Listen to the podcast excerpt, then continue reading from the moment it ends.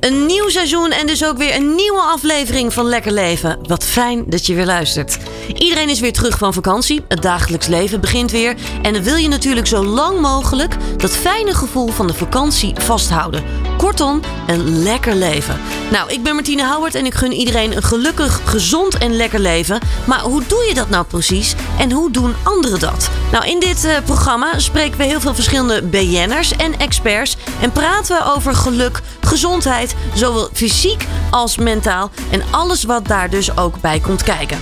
Vandaag spreken we Birgit Lewis. Deze fantastische zangeres neemt haar gezondheid heel erg serieus, is inmiddels meer dan 30 kilo afgevallen en ze helpt daarbij ook heel graag andere mensen. Straks hebben we haar aan de lijn. Maar we beginnen deze aflevering met een hele bijzondere vrouw die ook echt een brein-expert is. Met plezier naar je werk,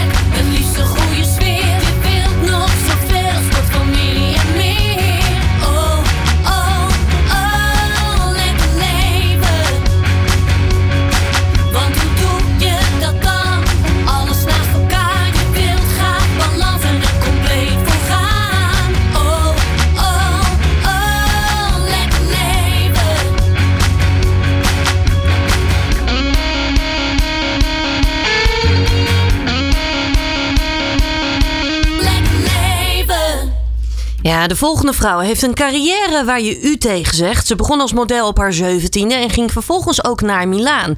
In 2008 werd ze Miss Universe en na de verkiezing presenteerde ze diverse programma's bij Omroep Brabant en ook bij RTL 4. Ze trouwde, ze kreeg een zoon en zette daarnaast ook nog eens een eigen kledinglabel op om vervolgens compleet het roer om te gooien in 2017. Ze veranderde eerst haar eigen leefstijl, ging op zoek naar nieuwe inzichten om vervolgens daar ook andere mensen mee te kunnen helpen. En inmiddels is een begrip in Nederland. Is ze echt de vrouwelijke brain balance expert van Nederland. En zondag 19 september staat ze in Ahoy met haar eigen event waar ze nog heel veel andere mensen gaat inspireren.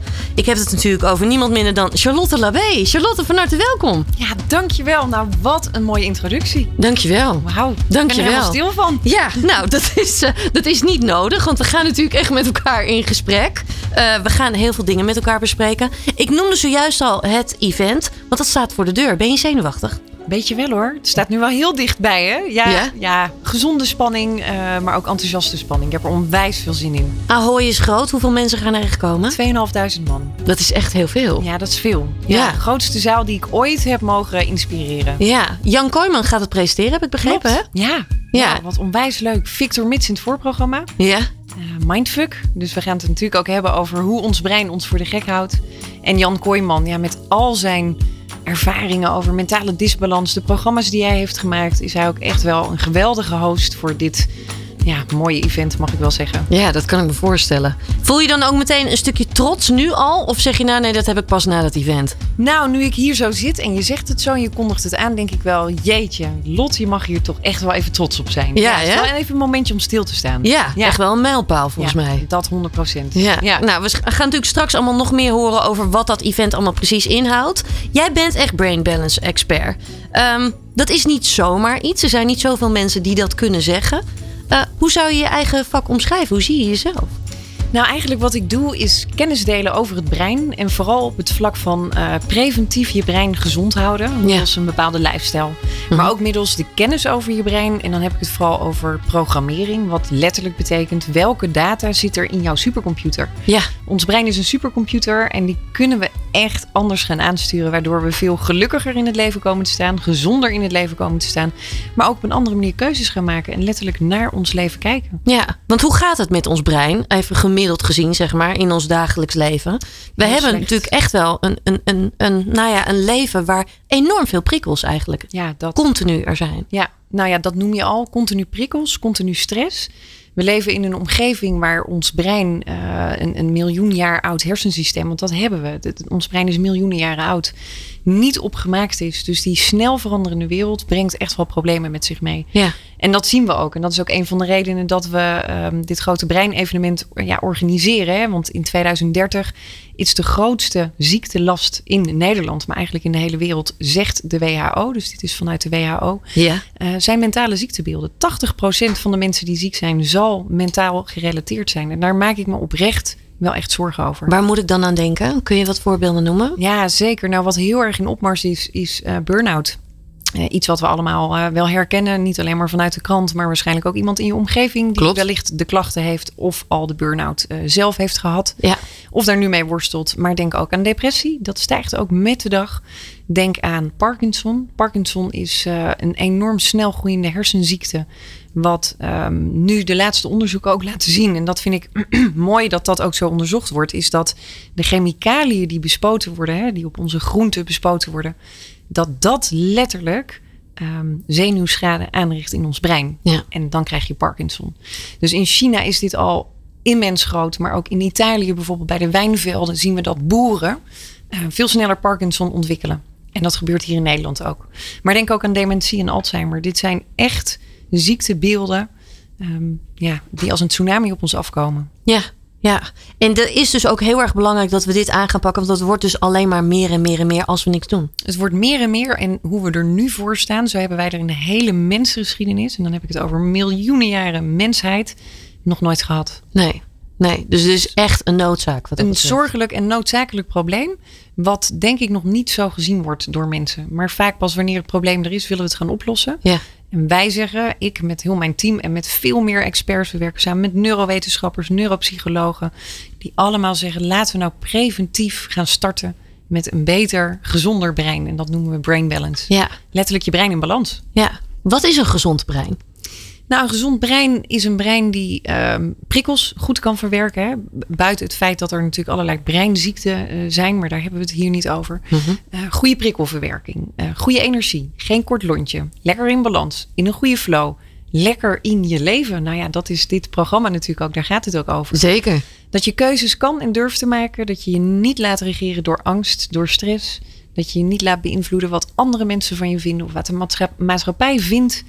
Um, ja, dat je kiest voor je eigen geluk. Ja, ja. Waar zouden mensen mee kunnen beginnen die nu zitten te luisteren dat ze denken, wacht eens eventjes. Ik ben wel bezig met mijn voeding bijvoorbeeld. En ik, ik, ik slik trouw uh, mijn suppletie. Ja. Uh, maar, maar waar begin ik als ik ook eigenlijk wil denken aan mijn hersenen, aan mijn brain? Dat ik denk, hé, hey, hoe word ik nou totaal helemaal gezond? Zeg maar. Ja, mooie vraag. Ik denk dat de eerste, de eerste stap is letterlijk bewust worden van ik heb hersenen. -huh. Dat weten we als het goed is allemaal. Ja. Maar dan dat die hersenen ook nog een bepaalde omgeving nodig hebben. Dus jouw aandacht letterlijk om gezond voor jou te kunnen presteren. Sta eens stil bij het weten dat jouw brein alles aanstuurt. Je gedachten, je energieniveau, al jouw organen. De communicatie tussen je darmen en je hersenen. Van je hersenen naar je darmen, maar ook andersom. Ja. Uh, de keuzes die je maakt, alle gedachten die je hebt. De slapeloze nachten. Wanneer je in een bepaalde situatie bent en je reageert heel intens dan komt dat vanuit je breinprocessen. Hm. En wanneer we daar al bewust van worden van... hé, hey, als dat brein niet zo lekker in zijn vel zit... dan gaat hij dus ook ja, anders reageren. Ja. En dan heb ik misschien daar later weer spijt van. Of dan uh, ga ik op een andere manier eten. Hè? Wanneer we heel erg gestrest zijn. Dan zie je dat de energie naar beneden gaat. En dat we eigenlijk veel meer voeding nodig hebben. Maar vaak Klopt. pakken we dan de verkeerde voedingsstoffen. Vaak pakken we suiker ook, hè? Suiker, vetten, zouten. Vaak een combinatie van die drie. Ja. En die zijn desastreus voor je brein. En wat ja. krijg je dan? Dat het brein eigenlijk weer naar beneden gaat. En roept om nog veel meer. Dus we gaan nog veel meer van dat eten. Terwijl we eigenlijk ja, gezonde voedingsstoffen nodig hebben. En dan heb je het over vetzuren, maar dan heb je het ook over eiwitten. Dan heb je het over de juiste koolhydraten, dus veel groenten. Mm -hmm. um, ja, en die slaan we vaak over. Ja, vaak wel hè? Ja, te vaak. Ja. En dat is zonde. Ja. Ja, straks gaan we nog uitgebreider hebben over voeding. Maar eigenlijk gaat het dus al eerst om dat stukje bewustzijn. Ja. Wat doe ik nou eigenlijk precies? Precies. Wat gebeurt er tijdens mijn dagelijkse leven of tijdens deze hele week? Wat is mijn ritme? Wat doe ik nou eigenlijk precies? Ja, welke keuzes maak je? Ja. Hoe sta je op? Sta je op met, oh, ik heb zoveel te doen. Jeetje, wat een druk leven. Of, oh, wat een negativiteit. Wat gebeurt er allemaal in de wereld?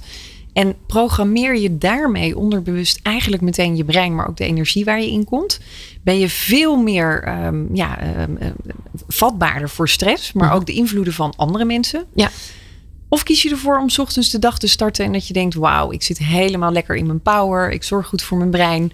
Ik heb die positieve flow, die positieve energie. Het is een keuze. Ja. En dat is wel iets wat we enorm veel zien. Hè. Wij leiden mensen ook echt op um, om, om je brein een update te geven. En dat is voor iedereen. Level 2 is dan echt voor mensen die een coach willen worden. Dus die zeggen van nou, ik wil brain balance coach worden. Dus ik ga hier mensen ook mee helpen. En eigenlijk zeggen we dan ook altijd, ja, als je niet bewust bent van de werking van je brein, dan zul je je leven ook nooit kunnen veranderen. Nee. En heel veel mensen zitten in het cirkeltje. Ja, maar het is de schuld van mijn werkgever. Het is de schuld van mijn relatie. Het is de schuld van mijn kinderen. Uh, het zijn mijn vrienden. Het is uh, het nieuws wat ik lees of wat ik hoor. Maar ga niet naar hun interne processen.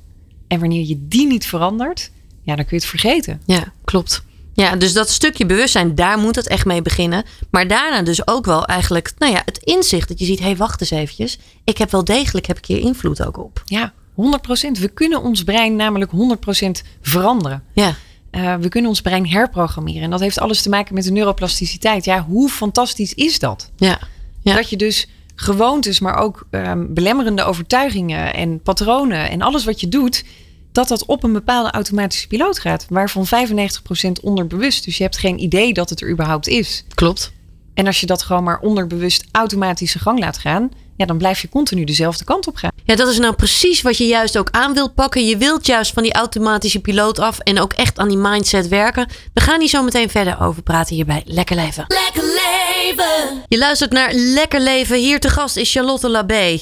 Uh, zij is echt brain balance expert. En we hebben het zojuist al gehad over eigenlijk die automatische piloot. Hè, die zo wat zo'n beetje eigenlijk ons hele leven bepaalt. Heel veel doen we in dat onderbewustzijn. Laten we daar nog wat dieper op ingaan. Want ik denk dat dit een heel belangrijk onderwerp is voor heel veel mensen. Dat stukje mindset. Ja. Als we het hebben over een belemmerende overtuiging of over een patroon. Kun je een voorbeeld geven wat jij veel voorbij ziet komen? Ja, nou wat ik veel voorbij zie komen is een belemmerende overtuiging. Ik ben niet goed genoeg. Hm.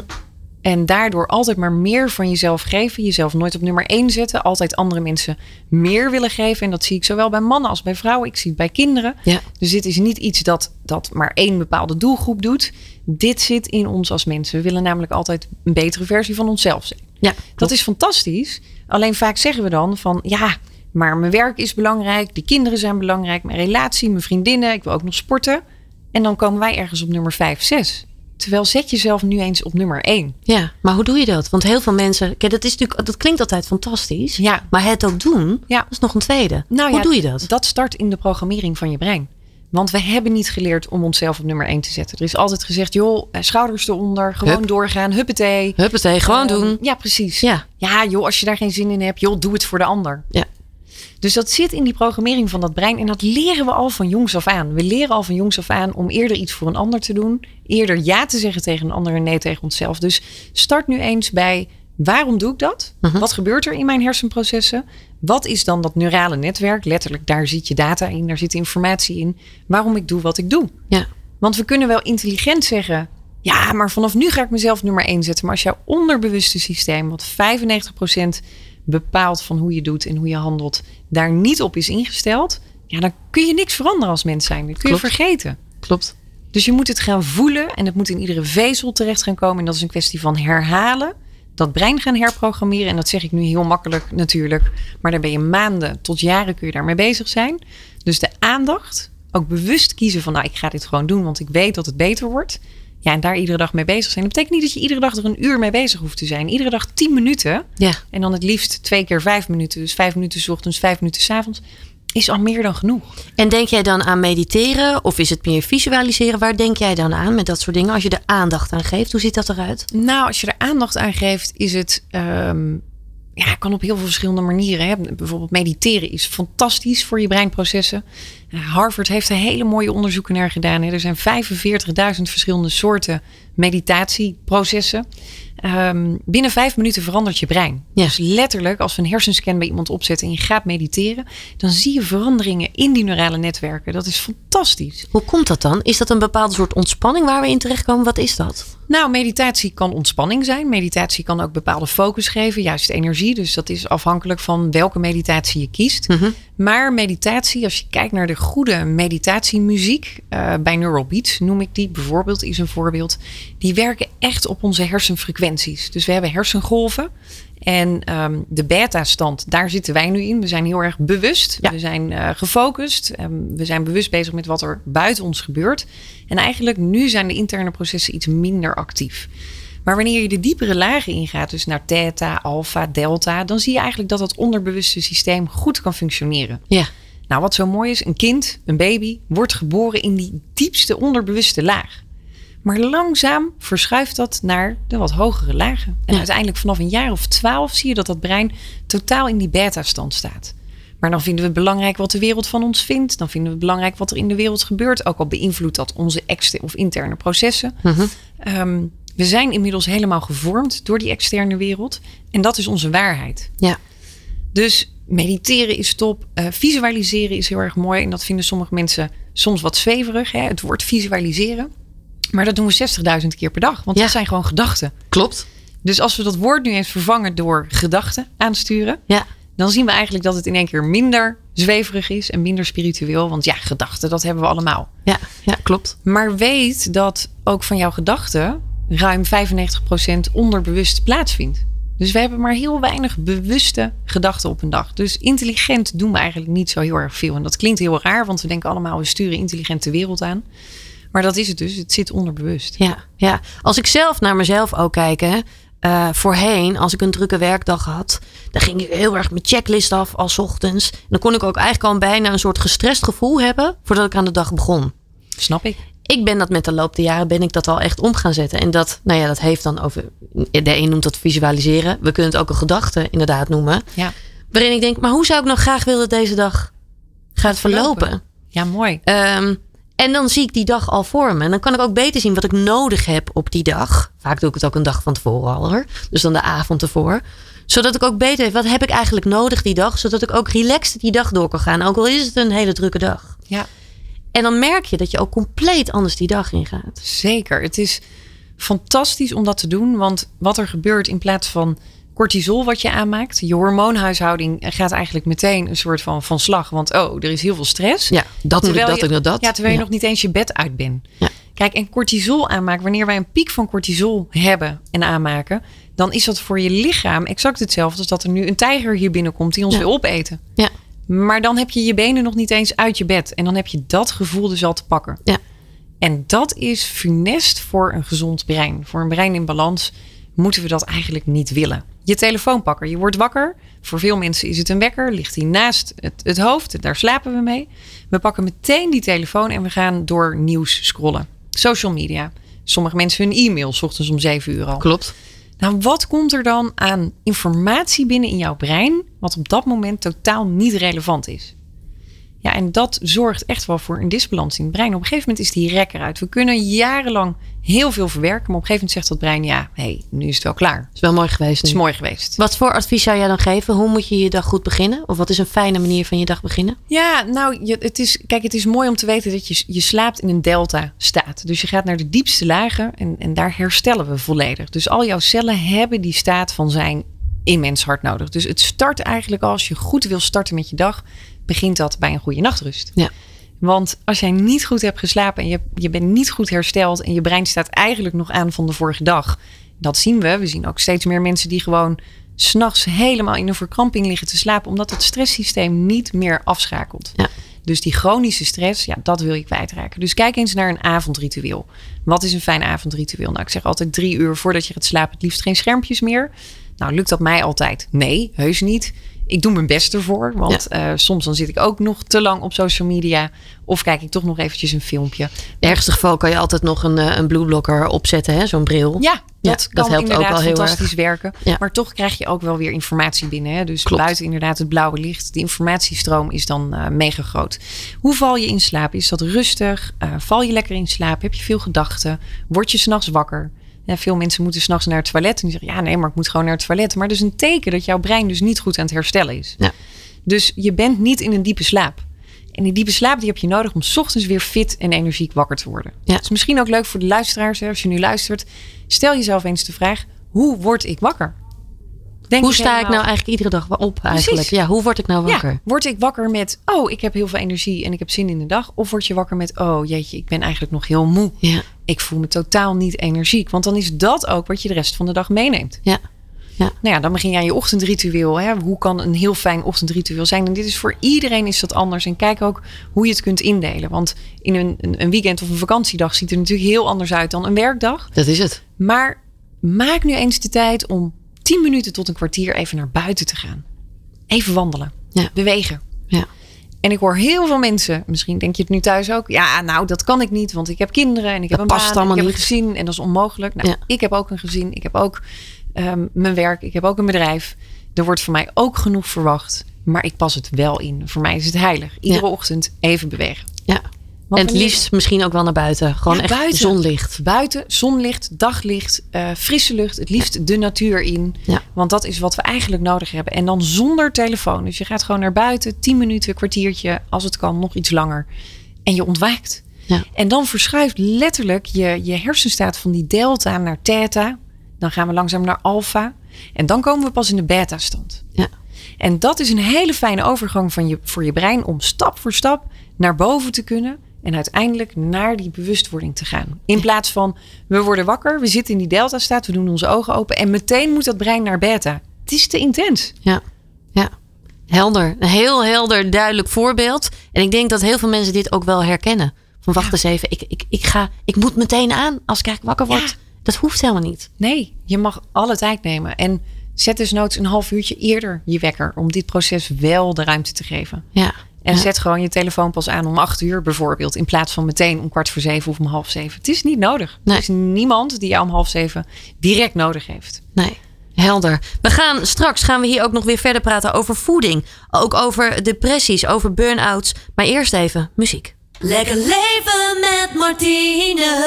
We zitten hier nog steeds met Charlotte Labé. Jij bent natuurlijk echt de brain balance expert. We hebben zojuist al heel veel dingen besproken met elkaar. Over hoe je bijvoorbeeld al eh, goed de dag kunt beginnen. En hoe belangrijk een, eh, een goede nachtrust is. Maar als we eventjes kijken, we hadden het zojuist eigenlijk al over in het begin. Heel veel mensen hebben een burn-out of ervaren een depressie. Juist ook nou ja, in de afgelopen anderhalf jaar. Ehm, kun jij ons uitleggen hoe dat nou eigenlijk echt ontstaat? Wat gebeurt er in het brein? Ja, mooie, mooie vraag. eh, waar je denk ik ook heel lang over kunt praten.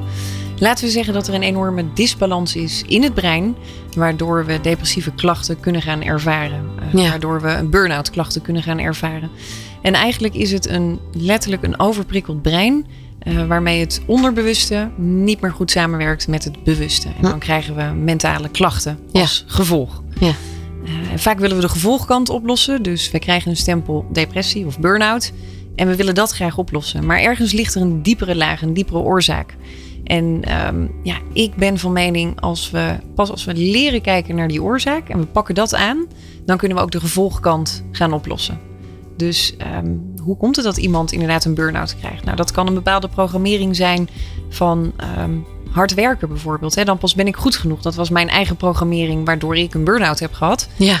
Ik stopte nooit meer met werken. Dat was gewoon voor mij, als ik eh, maar hard genoeg werk, dan, dan word ik gezien en dan krijg ik liefde en dan ben ik goed genoeg. Dat was jouw overtuiging op dat moment. Dat was toen mijn overtuiging. Ja, wat me uiteindelijk ook eh, enorm ziek heeft gemaakt. Ehm, bij een depressie kan het exact hetzelfde het geval zijn. Hè? Wat we nu heel veel zien, ook in de praktijk. Ik heb bij mij vijf therapeuten in dienst die iedere dag mensen helpen om weer eh, ja, op de rit te komen. Mhm. Is dat darmklachten echt hand in hand gaan met depressie. Klopt. Dus wanneer een darm helemaal verstoord is door de westerse voeding, door medicijnen, door stress, door slaaptekort, nou, noem het maar op, dan zien we eigenlijk dat depressieve gevoelens echt heel snel kunnen ontstaan. Ja, het is echt ons tweede brein, hè? Onze darmen zijn echt ons tweede brein. Ja. ja, ben er dus daarom ook heel zuinig op. Zowel je hersenen, maar ook eh, je darmen. Want die werken weer samen. Ja, ja. Dan kan natuurlijk ook nog en-en zijn, hè? Dus dat je en heel erg met die overtuigingen rondloopt. Ja, En dat het in je darmen ook niet goed gaat. ja vaak gaan die hand in hand. Ja. dus we zien vaak mensen met mentale klachten. En dat zie je ook in de psychiatrie. De psychiaters met wie wij ook samenwerken, die zeggen ook wanneer iemand een depressie heeft, dan zien we eigenlijk al meteen ook een prikkelbare darm. Of eh, obstipatie of constipatie of noem het maar op. Dus er is altijd wel een link te leggen met die darm. Ja. Ja, en dan is het een interessante vraag. En daar zijn nu echt wereldwijd heel veel onderzoeken naar. Hè. Wa- wa- Was het mentale stukje eerst, dus het brein, of was de darm er eerst, waardoor dan een depressie ontstaat? Mhm. En je hebt natuurlijk ook nog het verschil tussen een aangeboren depressie ehm, en een later pas opgebouwde depressie. Klopt. Het is wel zo dat ehm, het, het- de grootste groep met mensen met een depressie pas later op latere leeftijd komt. Dus wat niet per definitie een aangeboren disbalans is. Mhm. Ehm, maar die groep is er wel. Dus er is ook depressie wat gewoon genetisch bepaald is. Ja, ja. Dan is het toch ook wel weer hier heel erg belangrijk dat je teruggaat naar de kern eigenlijk, hè? Ja, ja. Van waar, waar komt dit nou eigenlijk echt vandaan? Wat is er echt gebeurd? ja, wat is er echt gebeurd? En, en ja, dat, dat wil je testen. Je wil weten, is dit genetisch of niet? Ja. Want anders ga je een heel ander eh, traject in. En een hele andere behandelprotocollen zet je in. Mhm. Je kunt heel veel halen uit de darm bijvoorbeeld. Hè. Wordt serotonine voldoende aangemaakt? Nou, 95% gebeurt in onze darmen, de serotonine aanmaak. Ja. Dat is ons gelukshormoon. Klopt. Nou, wat je ziet bij, bij depressie is dat vaak serotonine verstoord is. Dus eh, dan kan er antidepressiva voorgeschreven worden die dan weer de serotonine boost. Maar als je weet dat het in voeding zit, dan zou een hele mooie stap eigenlijk eerst, maar dat is mijn visie, kunnen kijken van hoe kunnen we dat met voeding weer gaan boosten. Ja. Ja. En die darm ondersteunen om Hoe- weer gezond te worden. Hoe kun je dat boosten? Waar moet ik dan aan denken? Want het is natuurlijk per persoon is dat ook verschillend, kan ik me dan weer zo voorstellen. Maar, kun je een tip geven? Nou, kijk, het zit wel in bepaalde voedingsstoffen. Ik heb daar natuurlijk ook boeken over geschreven. Bijvoorbeeld pure chocolade, maar ook ehm, wanneer je noten eet, wanneer je tomaat eet, wanneer je ehm, aardbeien eet. Dat boost je serotonine. Ja. Maar goed, is het dan opgelost met een bakje aardbeien eten? Nee, Nee. laten we heel reëel zijn. Je moet wel dieper die darm in. Klopt. En dan moeten we echt wel eventjes gaan kijken van nou, hoe, hoe functioneert die darm? Kijk, onze darmen hebben gewoon 700 tot 800 verschillende bacteriën in zich. Goede en slechte. En dat is, wanneer dat er is, is dat geweldig. Ja. Maar we zien steeds vaker in onderzoeken dat mensen nog maar 2 tot 300 verschillende bacteriën hebben. En dan is eigenlijk is het niet raar dat iemand een depressie heeft. Want de helft van die dierentuin in die buik die is niet gevoed. Klopt. Ik zeg altijd, ja, dat microbiome heeft verschillende soorten dierentuinen. En je wil dat de flamingo's gevoed worden, eh, maar ook de krokodillen gevoed worden. Ja. En niet dat die krokodillen dus sterker zijn, waardoor je dus mentaal klachten gaat krijgen. Helder. Dus is het zo makkelijk om te zeggen, ja, met voeding eet dit en dan is het opgelost? Nee. Nee. We kijken dan echt wel naar de persoon van wat heb jij nodig? Wat zijn de tekorten? Welke bacteriën en microben zijn er niet meer in, eh, in je microbioom?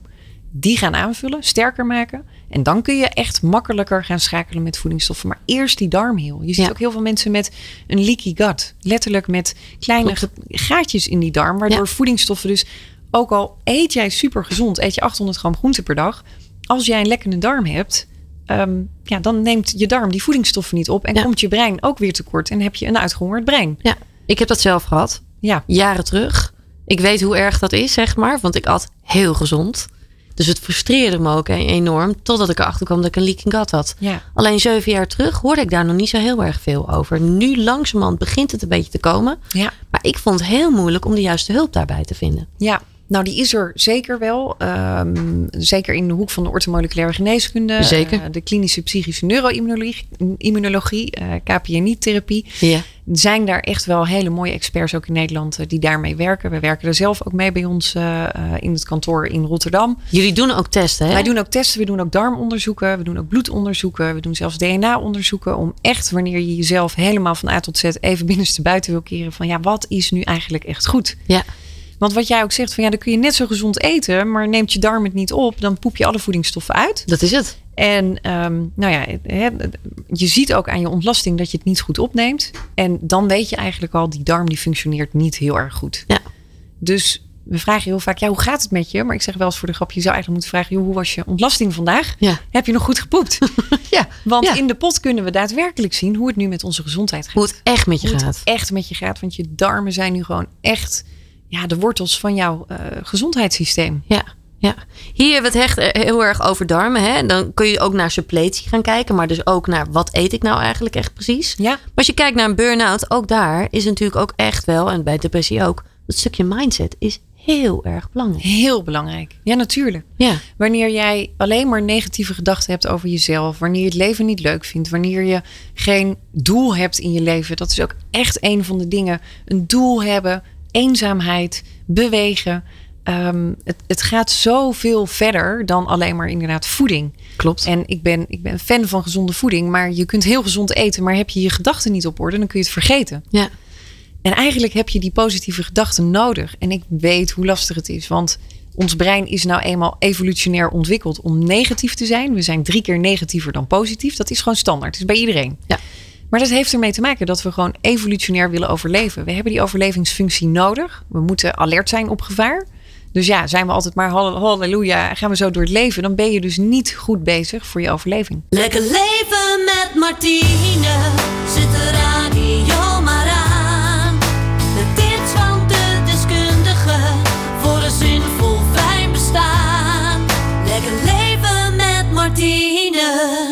Charlotte, laten we nu ook eens eventjes kijken hoe jij dat allemaal doet. Hè? Uh, hoe pak jij dat aan? Want jij, hebt natuurlijk ook, jij bent ook met vallen en opstaan. Ja. Uh, is het gegaan? Je bent uh, hartstikke succesvol geweest als, als model. Miss Universe ook geweest in Nederland. Vervolgens ben je ook naar buitenland gegaan. Je hebt ook je eigen kledinglabel heb je ook nog gehad. Ja. Je hebt heel veel hiervoor al gedaan. Uh, maar dat is niet alleen maar succesvol geweest. Het ging ook wel eens fout, zeg maar. Ja, of zeker. fout is misschien niet het goede woord. Ik dat, denk, dat ja. je uit balans raakte. Ja, 100 procent. Ik, ik denk dat um, vaak het plaatje van buiten, zeg maar, er succesvoller uitziet dan hoe een mens daadwerkelijk gaat. Ja. En dat is natuurlijk ook wel het nadeel van social media. Klopt. Wat er al jarenlang is. Dat we vaak denken het te weten van een persoon, maar je de persoon eigenlijk niet kent. Ja. En dat ervaar ik nog steeds wel eens. Dat ik denk, ja, maar mensen, jullie kennen mij helemaal niet. Je weet helemaal niet wie ik nou precies ben. Hè? Het, het, volgen op Instagram, op social media is natuurlijk niet voldoende om echt te kunnen weten hoe dat iemand zijn leven aan de achterkant eraan toe gaat. Klopt. En zo heb ik dat jarenlang ervaren. Inderdaad, uh, van het modellenwereldje naar de modewereld. Waarin ik op een gegeven moment echt wel voelde, ja, wat ik nu doe, daar word ik niet gelukkig van. En dat is wel iets, een gegeven, waar ik later pas achter kwam. Wanneer je heel lang iets doet waar je niet gelukkig van wordt, dan ga je uiteindelijk, daar betaal je de rekening voor. Ja. En dat had ik ook. Ik heb jarenlang op toppen van mijn stressniveau geleefd. Eigenlijk omdat ik het in mijn omgeving overal zag. Ieder ondernemer, ik heb veel ondernemers om me heen. Iedereen was altijd maar aan het rennen en aan het vliegen en aan het doen. En het was, niet, het was nooit goed genoeg.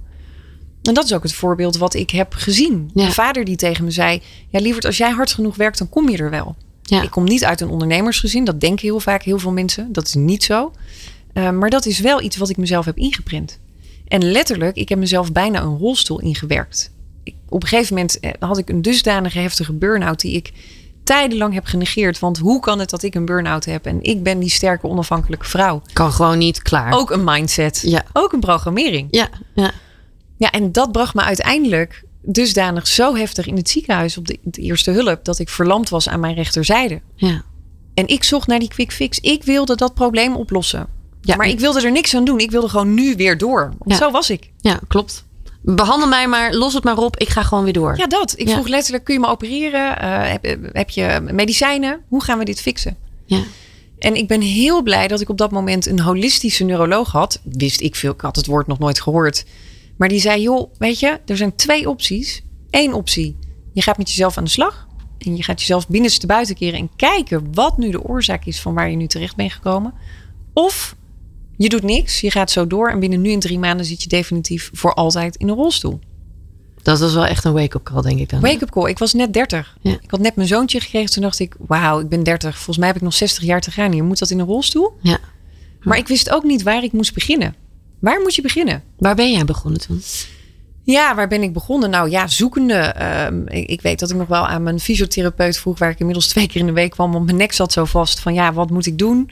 Ik had een vriendinnetje die was psycholoog en eigenlijk zeiden ze beide, joh, weet je, gewoon even vaker een wijntje drinken, ga lekker naar de kapper en eh, dan komt het wel goed met jou, want jij Ja. bent zo'n eh, volhouder. Ja, Toen dacht ik, ja, maar een wijntje in de kapper gaan mijn probleem niet oplossen. wacht Dit even zit echt wel even niet. dieper. Ja, Nou, toen ben ik echt gaan zoeken naar ehm, online. Van nou, oké, wat, wat betekent eigenlijk ja, je, je centrale zenuwstelsel? Want daar had die arts het over. Ik, ik wist niks. Je nervus vagus, die was beschadigd bij mij op vier plekken. Nou, dat is de hoofdzenuw van je brein Ja. naar de rest van je organen. Die functioneerde niet meer. Oh, wauw, maar als die stopt, ja, dan stopt eigenlijk mijn leven. Ja. Dus zo simpel is het. ja, Nou, daar ben ik gaan zoeken. En op een gegeven moment las ik over meditatie en over voeding. En toen keek ik eigenlijk in mijn voorraadkast. Toen dacht ik, wauw, ik heb echt nul gezonde voeding. Ik had echt zakken met Milky Ways en chips. En ehm, ja, makkelijk eten. Ik zorgde op dat moment zo slecht voor mezelf. Maar ik had de energie er niet voor. Het kostte me heel veel energie. ja. Ik zorgde toen wel voor mijn zoontje. Want dat was het enige waar ik nog energie dat ik dacht, nou voor jou moet ik het goed doen. Maar voor mezelf, nee. Dus ik had ook wel eens als avondeten dat ik een zak chips gewoon voor het gemak. Ja. Ja, dan put je jezelf uit. Ehm, en toen ben ik eigenlijk begonnen met meer te lezen over mediteren. Ik, ik heb wel wat vrienden die, eh, die daar al jaren mee bezig zijn. Die riepen dat ook jaren. Ik zei altijd, nee, ja, zweef jij lekker weg op je matje. Ik vind dat hartstikke zweverig. Dus dat was voor mij ver van mijn bedshow. Maar toen dacht ik, zoveel mensen hebben dit gezegd. Misschien moet ik er iets mee. ja. En daar ben ik gaan lezen. En toen kwam ik er eigenlijk achter dat mediteren helemaal niet zweverig is, maar gewoon een wetenschap is. En heel veel doet voor je systeem en letterlijk je brein verandert. Ja, daar ben ik over gaan lezen en ik ben gestart met mediteren. Ik vond het verschrikkelijk. Dat was voor mij echt de hel. Dat ik dacht, wat doe ik hier? Zo'n strijd. Je zit natuurlijk zo in dat patroon van rennen, rennen, rennen. Oh, ja, aanstaan. Continu aanstaan. dat aan, is aan, het. aan. Dus, Ja. dus ja, ga dan maar zitten. Ja, nou letterlijk. En Ja. ik voelde me echt zo'n sufferd dat ik daar ging zitten en luisteren. Dacht, ja, wat zit je hier nou te doen? Ja, ben je aan het doen in Dus hemelsnaam. ik kreeg heel veel gedachten, heel veel negatieve gedachten. Dus ik ging weerstand. van links naar rechts en links naar rechts. En eigenlijk pas na drie weken dat iedere dag anderhalf uur tot twee uur gedaan te hebben. Toen merkte ik, wauw, ik voelde een soort van energie die ik al heel lang niet meer had gevoeld. Wat goed. Nou, in de tussentijd was ik ook wat gezonder gaan eten. Alle rotzooi de kast uit. Want het is bij mij wel zo. Als ik ergens voor ga, dan ga ik ook 100%. En dan is het ook wel gewoon meteen bam. Dus de Ja. voorraadkast, alles eruit, suikers eruit. Gestopt met suiker eten. Nou, dat was de eerste twee weken heel pittig. Mijn brein wilde echt iets anders, want die was ook iets anders gewend. En langzaam begonnen eigenlijk met smoothies. Gewoon heel veel groenten in de blender en wat fruit erbij om het wat, wat zoeter te maken. Ja, En ik belde mijn vader op na drie weken. En ik zeg, pap, ik zeg, ik heb weer emotie. Ik voel weer wat. En er begint langzaam weer dat vuurtje te knapperen. Toen zei hij ook, ja schat, ik wist wel dat je jezelf ooit weer ging hervinden. Mm, En dat was wel echt Mooi. een moment. Ja, als ik daar aan terug ben, ja, dan, dan ja, kijk, kan ik ook wel tranen in mijn ogen krijgen. Want ik heb echt een hele lange tijd gedacht, dit komt nooit meer goed met me. En, en wil ik überhaupt zo wel doorgaan? ja. En is dit het leven wat ik wil leiden? En ja, als dit het is. Ondanks al dat succes, hè, want de, de buitenwereld zou hebben gedacht... Goh, die heeft het hartstikke goed voor elkaar. Ja, ja, en dat is ook misschien wel de mooiste les die ik ook mensen heel graag wil meegeven. Veroordeel en beoordeel nooit. ehm, eh, don't judge a book by the cover. Ja. Dat is zo'n mooi spreekwoord. En ga eens wat dieper de processen in. Vraag eens hoe het echt met iemand gaat. In plaats van in de snelheid, hoe gaat het? Ehm, ja, ik had laatst ook. Ik, ik, eh, ik voelde me niet helemaal top. Iemand vroeg hoe gaat het? Ik zei nou eigenlijk heel slecht. Ik zei ik voel me niet top. Oh, huh. Ja, schrikken mensen van. schrikken mensen van. Ja, Omdat die eerlijkheid bijna niet meer normaal is in de maatschappij. klopt. Ja, Klopt. Wat heel jammer is. Want het is juist zo goed als we het even met elkaar kunnen delen. precies. Precies. Praat erover met elkaar. En dat hoeft echt niet meteen eh, een psychologisch gesprek, maar gewoon het even delen wanneer je niet lekker in je vel zit. Ja. Dat mag. Daar Ja. zijn we mens voor. Als jij nu terugkijkt, hè, want zo'n moment dat je echt wel rock bottom zit, maar dat je dan ook met je vader aan de lijn zit, dat je voelt van hé, hey, wacht even, dit, dit is een sprankeltje erop. Ja. Wat heeft dat met je gedaan vervolgens? Want dat is vaak een keerpunt in het leven, hè? zo'n punt. Ja, ik dacht ik wil meer van dit. Ik wil niet anders meer leven. En dat heb ik toen ook tegen mijn man gezegd. Want die zei, wauw, jij verandert echt rigoureus. Ik houd bijna niet bij. Ik zeg, Ja. take it or leave it. Ik wil niet anders dan dit. Ja. Eh, en, en daar begon echt mijn reis naar... Oké, maar ik, ik ervaar dus dat het iets voor me doet. Maar hoe zit dat dan? Dus ik wilde wel weten van... Ja, wat gebeurt er dan in mijn lichamelijke processen? Ik bedoel, iedereen weet dat eh, een wortel altijd gezonder is... dan eh, een hamburger of dan een stuk slagroom. Dat weten we. Intelligent weten we dat. Klopt. Maar wat gebeurt er in die biochemische processen? Wat gebeurt er in die cellen? We hebben miljarden cellen die hebben gewoon voedingsstoffen nodig. Die hebben aandacht nodig, beweging nodig, positiviteit, minder stress. Oké, maar wat doet dat dan biochemisch? Ja. We zijn een biochemisch wezen, we zijn een soort fabriek. Ja, en daar ging een wereld voor me open. Ik ben, ik ben gaan leren vanuit de neurowetenschappen. Ik ben gaan leren vanuit verschillende ehm, coachingstrajecten. Van BMR tot NCE tot NLP. Eh, noem het maar op. Ik ben orthomoleculaire geneeskunde gaan studeren. Vier jaar lang. En momenteel studeer ik nog epigenetica. Dat is de nieuwste wetenschap over hoe onze lifestyle onze genen beïnvloeden. Ja, ik denk dat ik blijf leren tot mijn negentigste. Ja. En dat vind ik zo leuk om eh, in, in, in Jip en Janneke taal weer te mogen delen met mensen. Het is gewoon mijn passie, eh, mijn lifestyle. Practice what you preach. Ik deel het. En Ja. dat doe ik met heel veel liefde. ja, fantastisch. Ja, en dat is uiteindelijk een, een soort van succes, successtory geworden. Niet dat ik ooit heb bedacht op dat moment van... nou, hier ga ik, hier ga ik een business van maken... en ik ga lezingen eh, geven en boeken schrijven. Nee, het is begonnen met mijn ervaringen te delen. En dat mensen zeiden, ja, maar daar wil ik meer van weten. ja. Dit herken ik. Of mijn nichtje zit erin, mijn zus zit erin. Eh, ik wil dit beter, ik wil mijn bedrijf beter. Ja, daaruit is Brain Balance ontstaan. Ja. Straks komt er ook nog een event aan. Hè? 19 september is het zover. Ja. Daar gaan we het straks over hebben. Superleuk. Je bent het zand, er is veel meer.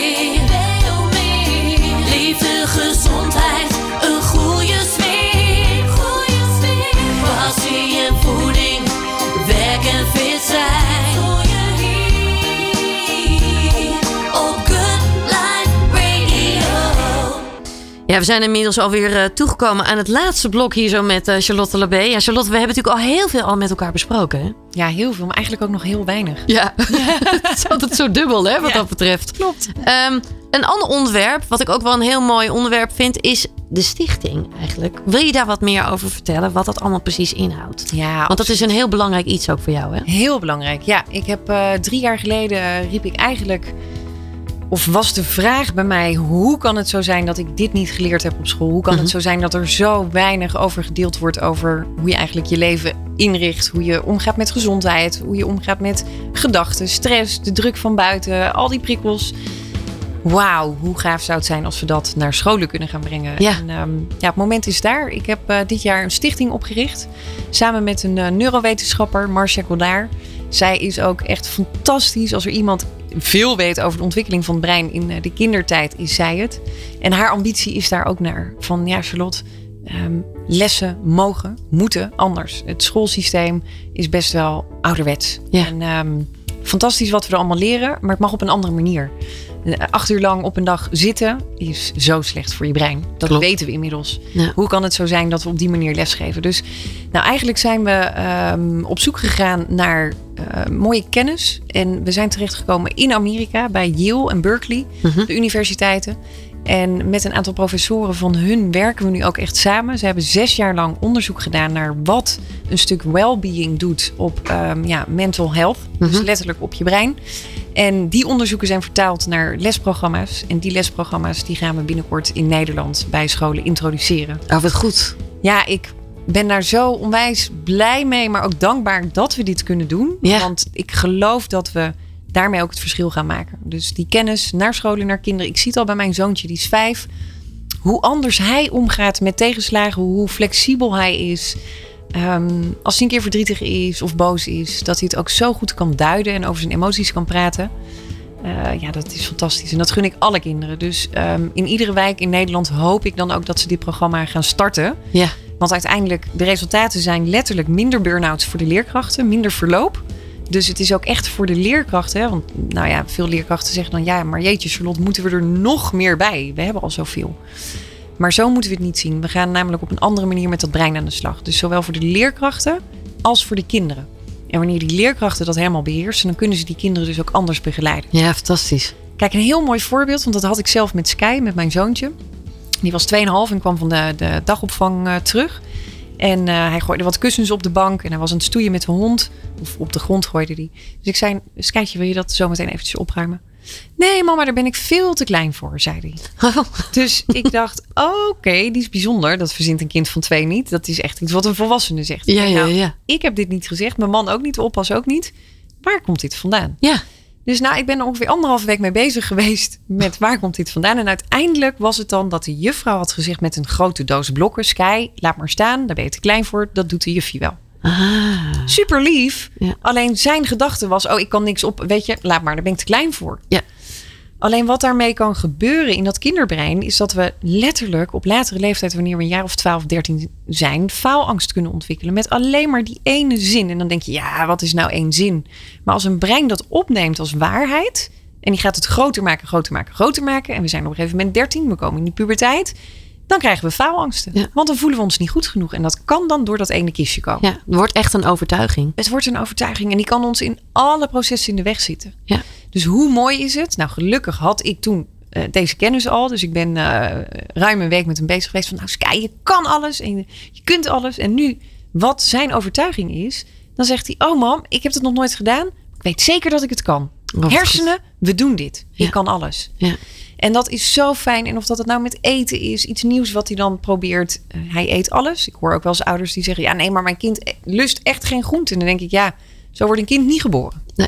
Dus dat is wel een stukje programmering. Ja. En daar hebben we op school zo'n grote rol in. Hoe we daar als leerkracht mee omgaan. Dat we daar, ja, we kunnen de wereld veranderen met dat brein. Ja. En dat gaan we doen met de stichting. Ja. Ja. Dus Je, je, je zei het ook al, hè? voeding is dus een heel belangrijk onderdeel. Zowel bij de kinderen natuurlijk, maar ook bij de volwassenen. Ja. Als je nou qua voeding een tip mee zou mogen geven aan mensen, welke tip zou dat dan zijn? Nou, iedere tien dagen veranderen je smaakpapillen. Hm. Dus eet iets gewoon tien dagen. Uh, ik zeg niet tien dagen iedere dag hetzelfde, maar laat die smaakpapillen eraan wennen. En dan wordt het vanzelf een stuk makkelijker. Ja. Kunnen we net zo gelukkig worden van een stuk chocoladetaart als van een strong broccoli? Ja, dat kan. Maar dat heeft wel een half jaar nodig. Ja. Dus het is ook wel, ja, ga even over je grenzen heen. En zeg niet, ja, ik heb twee weken gezond gegeten, maar zie je, ik hou het toch niet vol. Mhm.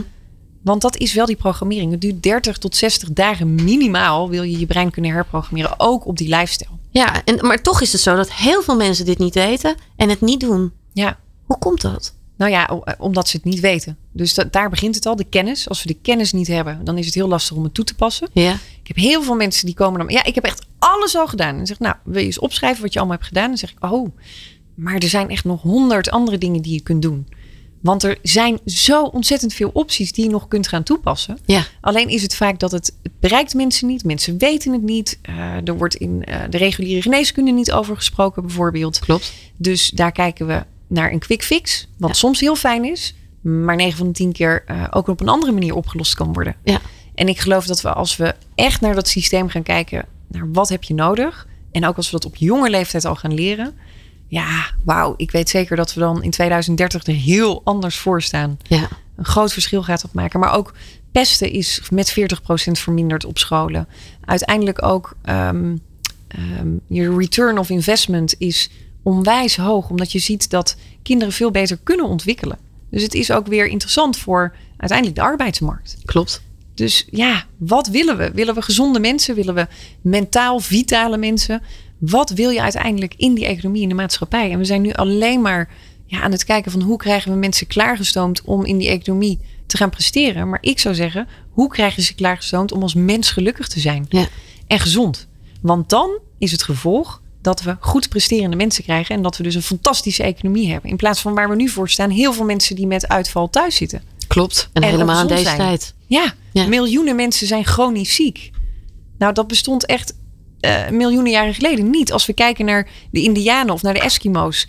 Dat zijn fantastische, hele mooie inzichten die we daaruit krijgen. Hoe puur en gezond zij eten naar de regels van de natuur. Ja. Niet alleen eten, maar ook leven. Je ziet dat daar dus deze chronische mentale ziektebeelden, die bestaan er niet.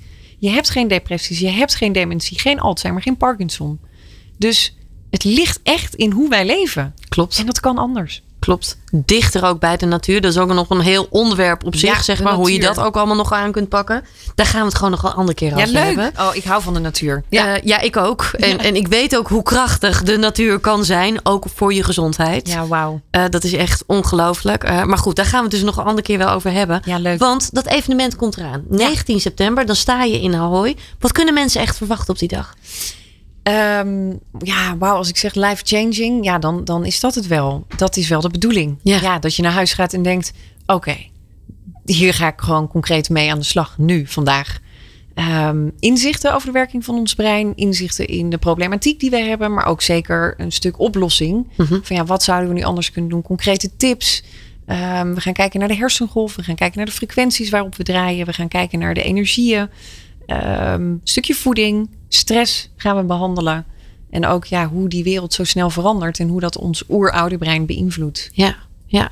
Een onderwerp wat natuurlijk wel vaak aan bod komt hè, met dit soort dingen, is dat mensen zeggen: ja, maar wacht eens even, hè, bijvoorbeeld eh, visualiseren of eh, eh, mediteren. Ja, in hoeverre is dat nou echt bewezen? Krijg jij die vraag ook wel regelmatig? Ja, die krijgen wij regelmatig.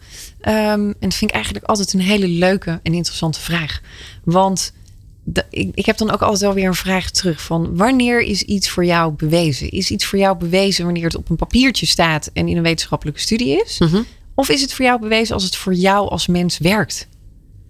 En ja, als ik die vraag stel, dan zie je dat mensen nadenken van, oh ja, eh, ja, wat is nou eigenlijk bewezen? Dus wat is de programmering van het woord? Wanneer is iets bewezen? Klopt. En we zijn in Nederland best wel op het stukje, ja, maar het moet wetenschappelijk bewezen zijn. Ehm, en als dat niet zo is, dan werkt het niet. Oké. Dus als wij vanuit bijvoorbeeld de Ayurvedische geneeskunde, wat ook een geneeskunde is en wat dus ook wetenschappelijk evidence-based is, maar wat wij hier zweverig vinden. Maar als we daar dus zeggen, de paardenbloem is helend voor je brein en dat werkt voor miljoenen mensen in de Oosterse wereld, gaan wij dan zeggen, nee, dat moet je niet doen, want wij hebben hier in Nederland niet die papieren dat we weten dat het werkt. Nog een heel mooi voorbeeld is dat eh, voorbeeld van een goede vriend van mij. Zijn vader is wetenschapper en echt, het, moet, het kan alleen maar uit de wetenschappen komen. Anders is het pertinent, niet waar. Ja. Uh, hij is wat breder georiënteerd en hij kijkt naar alle kanten en staat open. En dat vind ik zo mooi, want wanneer je brein open staat, dan kun je ook gewoon veel meer tot je nemen en ook gaan kijken wat werkt voor jou als mens. Dus dat hij, is het. Op een gegeven moment had hij een discussie met zijn vader. En hij zegt: Oké, pap, hij zegt, maar jij zegt dat als het niet bewezen is door de wetenschap, dat het pertinent niet waar is.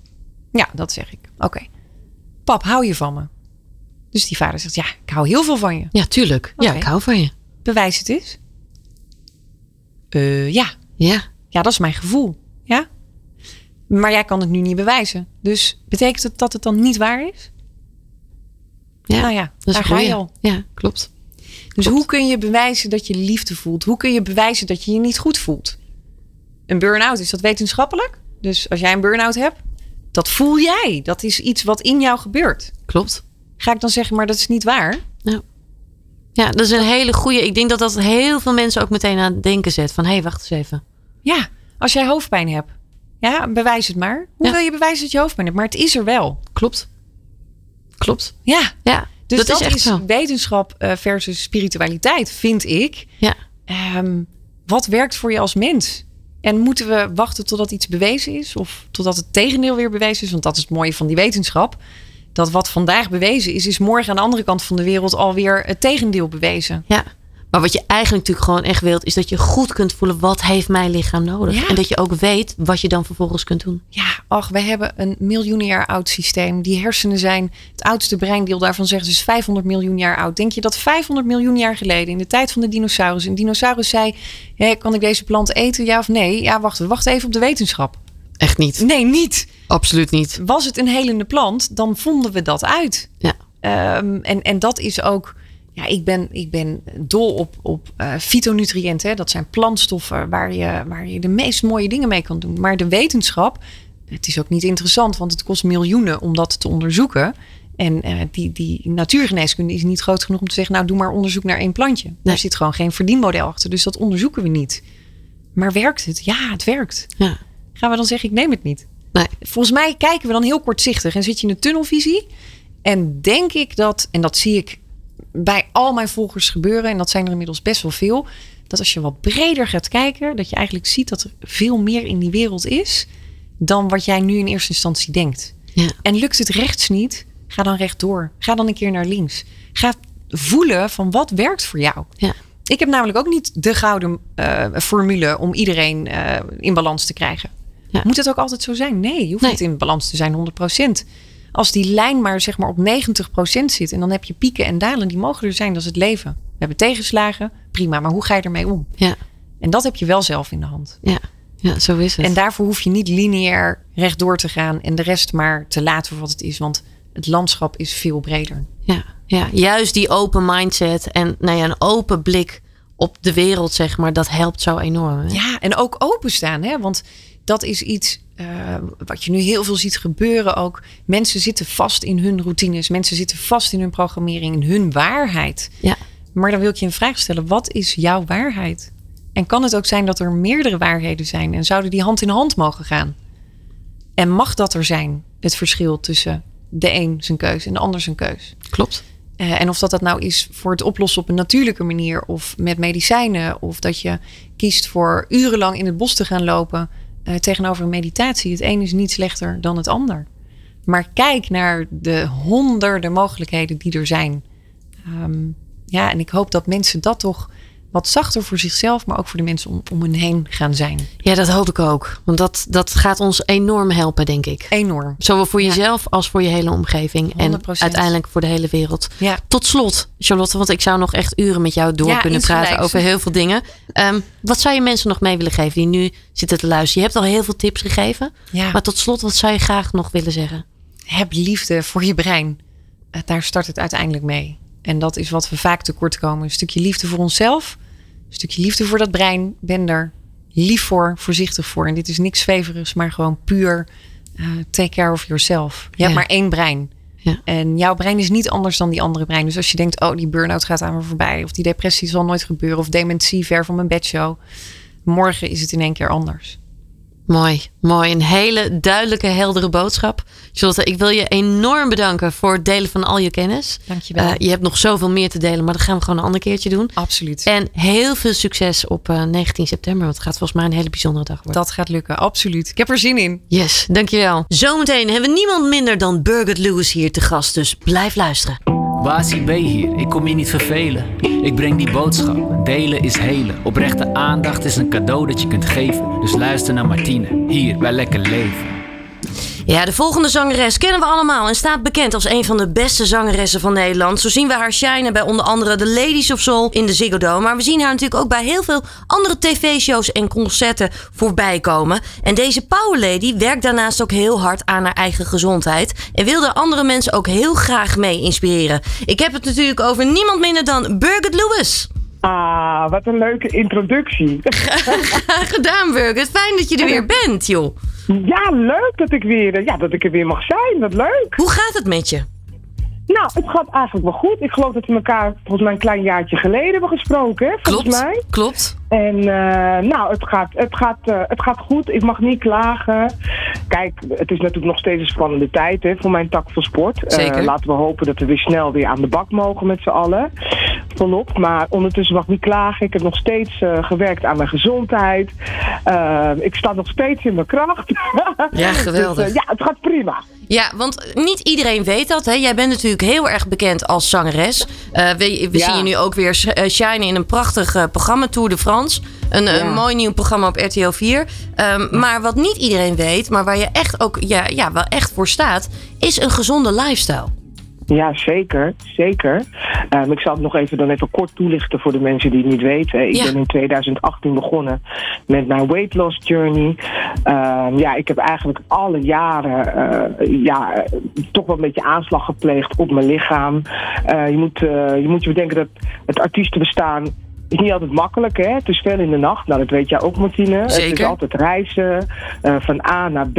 Nou ja, als je even wat wil eten, dan stop je even bij de McDrive. Of hè, je gaat even snel aan de junk, junkfood, omdat het makkelijk is. En ja, dat heb ik eigenlijk jarenlang gedaan. En dan als ik dan weer zeg maar nog een hele grote show had, dan ging ik dan weer even op de crash dieet. En ja, ik heb eigenlijk gewoon een beetje roofbouw gepleegd op mijn lijf. En uh, ik had zoiets van, dat moet nu gewoon veranderen. Ook dat ik nu uh, bijna 50 word.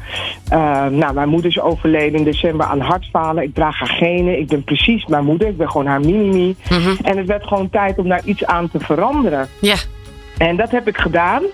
En ik heb het ook echt op mijn eigen manier gedaan. Uh, want ik heb alle diëten geprobeerd. Uh, alle sapjes, alle kuren. En niets hielp. En um, ja, dus ik ben eigenlijk een beetje zelf gaan ontdekken wat, wat voeding nou uh, voor het lichaam doet. En ik denk ook als je zeg maar je daarin verdiept en je weet wat voeding met je lichaam doet, dat je er heel anders tegenaan gaat kijken. En dat je dan niet zo snel dan van alles in je mond stopt, zeg maar. Ook al is het super lekker. -hmm. Maar dat is eigenlijk mijn, uh, even kort samengevat, uh, waar ik mee bezig ben geweest. En uh, ik sta ja eigenlijk ja, op het punt, ik wilde zeggen op het punt, maar ik ben eigenlijk al een tijdje bezig om anderen daar ook mee te inspireren. Ja. Uh, dat als ik het kan, dan kan een ander het ook, hè. Ja. En uh, dat is eigenlijk nu een beetje mijn, mijn, mijn bijbel. Uh, uitgebalanceerd eten, weet precies wat je op je bord zet. En je mag heus wel een keertje lekker een patatje of een, hey, een lekker pastaatje. Dat kan allemaal. Je mag dat in principe allemaal eten, maar het gaat om de juiste combinaties. En ja, dat, daar, daar, heb ik, daar heb ik gewoon iets in gevonden wat voor mij werkt. Ja, ja supergoed. Want je bent ook echt meer dan 30 kilo afgevallen. Wat, Ja. wat doe je dan? Wat is gebalanceerd eten? Want dat horen we vaker. Wat, hoe ziet dat er voor jou uit? Nou, we horen altijd natuurlijk van eh, ja, geen koolhydraten. Ik eet geen koolhydraten meer. Dat doen vooral heel veel vrouwen. Hè. Die Mhm. denken dan ik wil afvallen. Klopt. Dus eh, ik ga geen koolhydraten meer eten. Maar we moeten niet vergeten, lieve mensen, dat we juist koolhydraten nodig hebben. Koolhydraten is eigenlijk het, het, het energie voor onze hersenen. Hè. En ehm, als wij geen koolhydraten tot ons nemen, dan worden we flauwtjes. Eh, het gaat allemaal wat minder werken. Koolhydraten zijn eigenlijk heel belangrijk, vooral als je ook beweegt. Ja. Of als je heel bedrijvig bent in je leven. En um, um, wat we eigenlijk zouden moeten doen, is dus de juiste koolhydraten tot ons nemen. Uh, dus ik, uh, ik noem maar een voorbeeld. Ik ben dol op pasta. Mm -hmm. Dol op pasta. Ik kan echt bijna elke dag pasta eten als het aan mij ligt. Ja. Dat is natuurlijk niet, uh, hè, dat is niet goed. Maar wat ik dan wel doe, ik neem bijvoorbeeld volkoren pasta. Ehm, ehm, dat zijn langzame koolhydraten, super lekker. heb ik zin in, in, bijvoorbeeld een beetje room of zo, dan neem ik um, ricotta. Want daar zit eigenlijk heel weinig in, maar je hebt toch dat romige gevoel. En dat soort kleine trucjes uh, moet je hanteren, omdat je toch het gevoel hebt, ik ben lekker aan het eten, maar ik val toch af. Ja. Uh, nou moet ik ook wel uitkijken wat ik zeg natuurlijk, want ik ben een ervaringsdeskundige. Ik ben geen professionele diëtist. Mhm. Dus uh, wat per se voor mij werkt, hoeft niet indirect voor een ander te werken. Maar ik kan wel vertellen van ik denk met de juiste combinaties. Ik zal nog een voorbeeld geven. Uh, we hebben trek in een kippetje. We hebben trek in een rotisserie kippetje. Nou, Ja. dat doen we dan. Uh, ik doe er dan bijvoorbeeld geen patatje bij. Nee. Natuurlijk heerlijk. Want dat, dat- dat- de combinatie met kip, patat en een appelmoesje en mayonaise. Dat is natuurlijk verrukkelijk. Maar ja, als je toch op je lijn wil letten en je wil wat afvallen. Dus dan neem je de rotisserie kippetje. En je gaat bijvoorbeeld een lekker spinazie eh, erbij doen. Heerlijk spinazie erbij. Ehm, ehm, dat soort combinaties. Dus ik heb dan ook niet het gevoel dat ik iets mis. Ja, je bent jezelf niet aan het afstraffen dan ook, hè? Nee, nee. En dat is de fout die wij heel vaak maken. Is we gaan onszelf helemaal afstraffen. We gaan geen koolhydraten meer. En op een gegeven moment, na drie dagen, zegt je lichaam... Ja, maar wacht eens even. Ik heb nu toch wel echt trek in een beetje koolhydraten. Ik moet Ja. toch echt een beetje pasta of een beetje rijst hebben.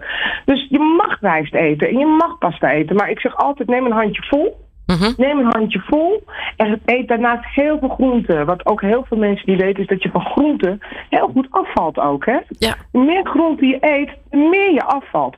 Dus ik zeg altijd meer groenten dan eh, zetmeel, eh, koolhydraten, ehm, ja, dat soort dingen. Dus dat is een beetje mijn, mijn eigen bijbel. Dat is een beetje wat ik, wat ik doe.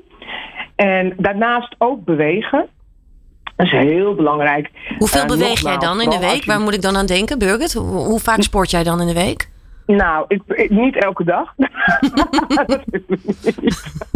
ik zeg ook altijd mijn optredens, dat, zijn, dat is ook eigenlijk mijn cardio. Maar aangezien Ja. ik dat natuurlijk niet met regelmaat meer doe, ehm, heb ik echt mezelf gedwongen om naar de sportschool te gaan. Ik werk ook af en toe met een personal trainer. Ik train denk ik zo twee keer per week, drie keer per week. Ja. Maar wat ik ook doe er tussendoor.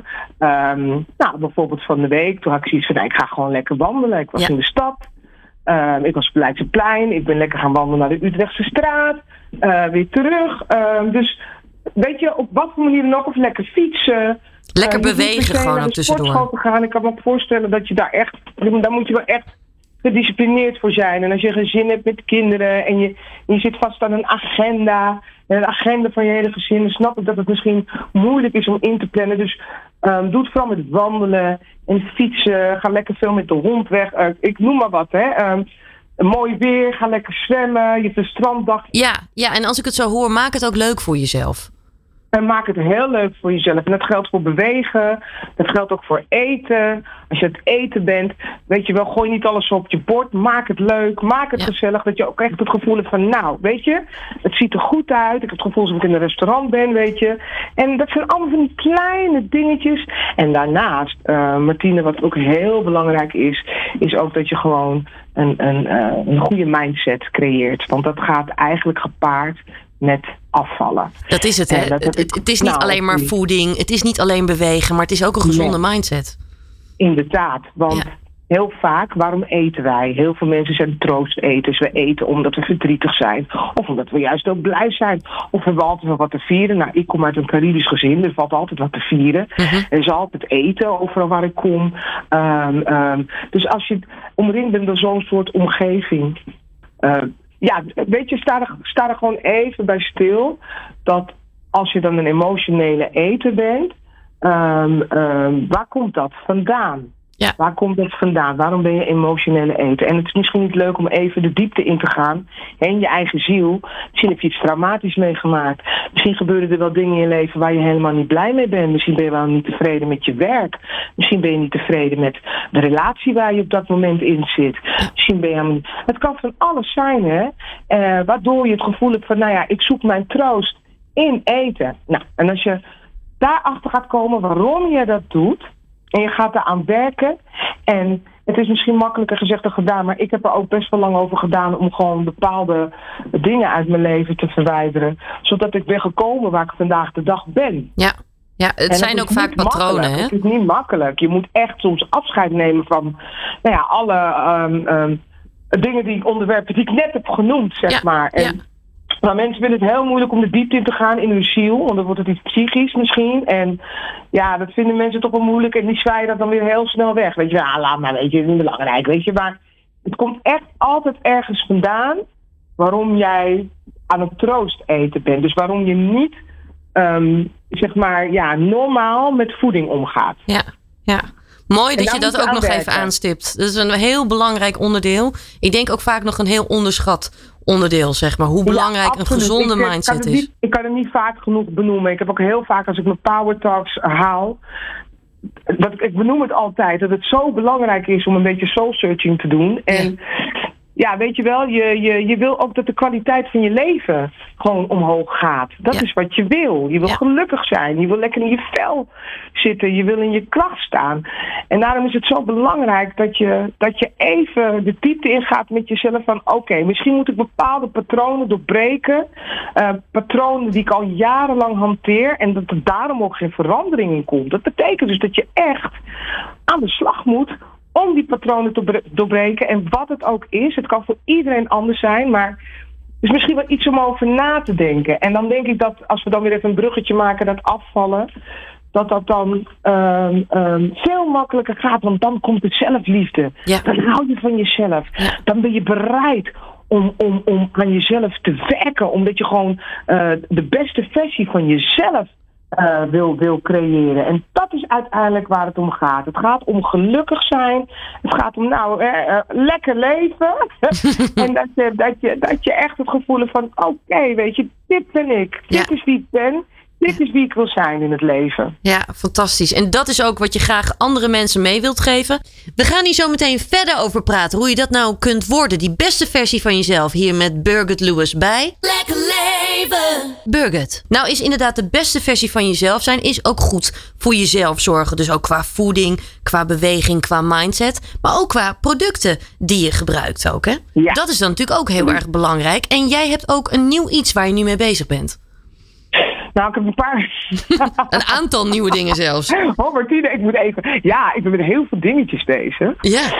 Maar er zijn een paar producten die ik, uh, die ik gebruik. En waar ik gewoon heel veel baat bij heb. Uh, bijvoorbeeld uh, um, het bedrijf Perfect Health. Mm -hmm. En die mensen toetsen jouw bloed. Ja. Dus die testen de waardes van jouw bloed. Nou, ik ben dat gaan doen een half jaar geleden. En uh, om te gaan kijken. Kijk, het, bloed is eigenlijk de weerspiegeling van wat er in jouw lichaam gebeurt. Dus je bloedtesten kunnen ze eigenlijk alles vinden en alles zien. Klopt. Maar ook preventief, hè. Dus ze kunnen ook zien waar je in de toekomst misschien last van kan krijgen. Ja. En dat vond ik heel interessant. Nou, ik vertelde net al dat mijn moeder is overleden aan hartfalen. Ik draag haar genen. Ik had zoiets van, ik moet checken hoe het zit. Dus ik heb een, uh, ik heb een check gedaan, een health check, zoals ze dat noemen. Mm -hmm. En uh, ik heb mijn bloedwaardes laten, uh, laten onderzoeken. En het was een um, verrassend uh, resultaat. Nou ga ik dat niet bij de hele wereld natuurlijk delen, want het is natuurlijk ook wel best wel privé. Snap ik. Maar ik wil vertellen, ik kan maar één ding met jullie delen. Het is bijvoorbeeld dat ik een tekort had aan vitamine D. Ja. Nou, een vitamine D, dan denkt iedereen, nou het is nu mooi weer, we kijken naar buiten, de zon schijnt. We gaan lekker buiten lopen, dan vangen we die paar zonnestralen op en dan hebben we onze vitamine D. Maar je hebt het echt nodig, dus ik heb daarvoor heb ik um, uh, supplementen gekregen. Mm -hmm. um, ik had ook bloedarmoede. Dus ik, um, uh, ik had ijzertekort. Ja. Daar heb ik dus ook uh, supplementen voor gekregen. En ik slik ze nu al een half jaar. Ik heb mijn waardes laten meten. En alles is gewoon weer zoals het hoort. Ja, wat goed. Dus dat is wel iets. Ik, ik zeg altijd tegen mensen: kijk, voeding vandaag de dag. Het is heel veel bewerkt, hè. En biologisch eten, iedereen probeert het nu wel wat meer. Hè. Biologische voeding hè, komt ook steeds meer. Zeker. Supermarkten, overal. En biologische drankjes en dit en dat. Weet je, ja. fantastisch.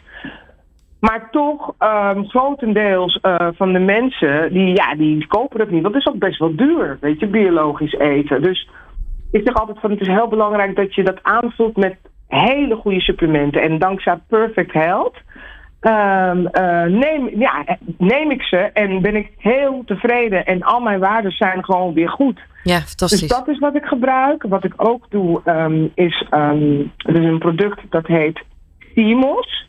Dat is zeewier. Ja. Het groeit, ehm, de zeewier die wij dan gebruiken, groeit in de Caribbean.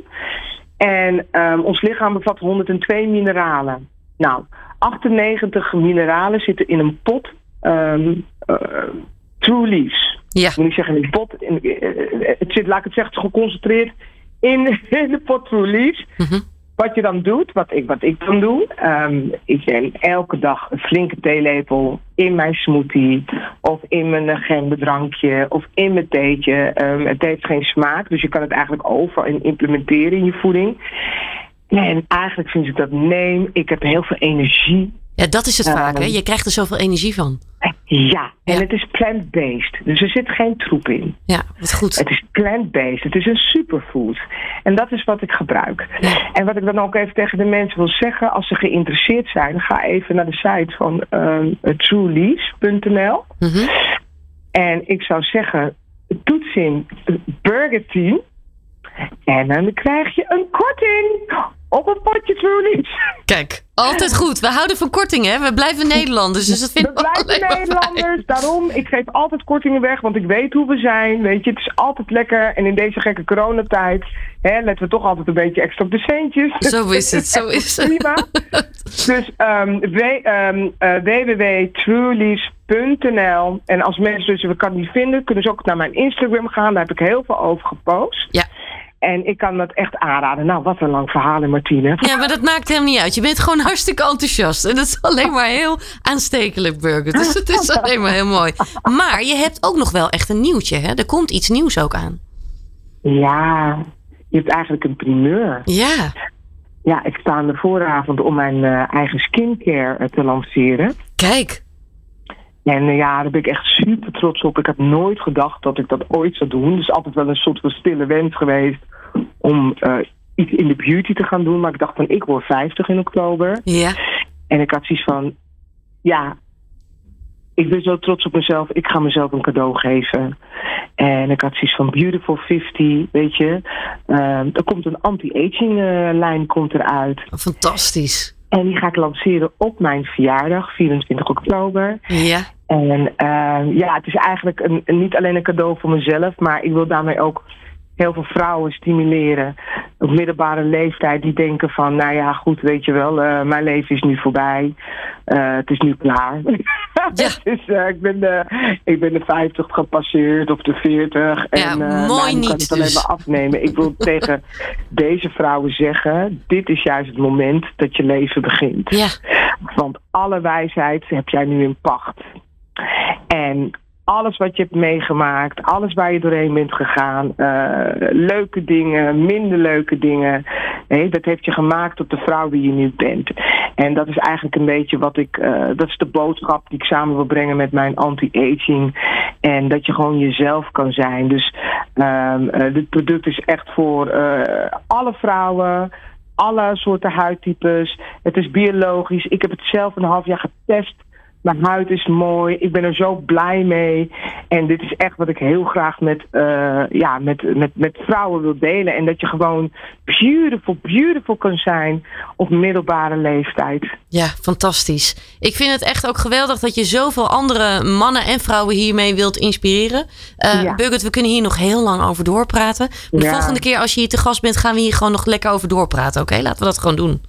Dat vind ik een goed plan. En dan kom ik lekker bij jullie langs in de studio. Ja, super gezellig. voor nu wil ik je heel veel succes wensen met alles wat je gaat doen. En eh, nee, we kunnen natuurlijk niet wachten totdat die beauty line eh, uitkomt. Maar we moeten dus even wachten tot eind oktober, hè? We moeten even wachten, derde week van oktober. En dan is die officieel eh, op, op de markt online, moet ik zeggen. Online, ja. Fantastisch, fantastisch. Birgit, voor nu heel erg bedankt en heel graag tot de volgende keer. Dankjewel, Martine. Lekker leven met Martine. Zet de radio maar aan. De tips van de deskundige. Voor een zinvol fijn bestaan. Lekker leven met Martine. Tot slot geef ik je graag nog wat mooie tips mee. Zeg Howard?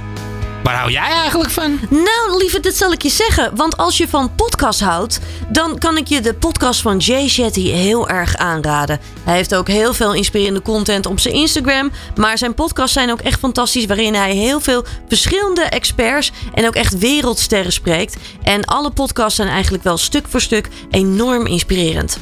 Wil je een leuk uitje? Denk dan eens aan een high tea in het donker. Ja, je hoort het goed. Tijdens deze high tea word je namelijk bijgestaan door vriendelijke bediening die zonder licht perfect functioneert. Want alle obers hebben namelijk een visuele beperking en weten daarom hoe het is om niet te kunnen zien. Tijdens deze high tea zit je dus volledig in het donker. Kortom, een gezellig uitje dat garant staat voor ontzettend veel lol.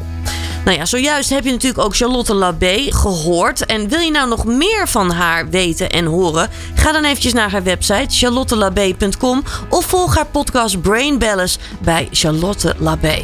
En hiermee zijn we alweer aan het einde gekomen van Lekker Leven. Ik wil je enorm bedanken voor het luisteren. Maak er echt wat moois van en ook een heel fijn lekker leven. Want dat is echt wat ik jou gun. En heel graag tot de volgende keer. Lekker leven met Martine.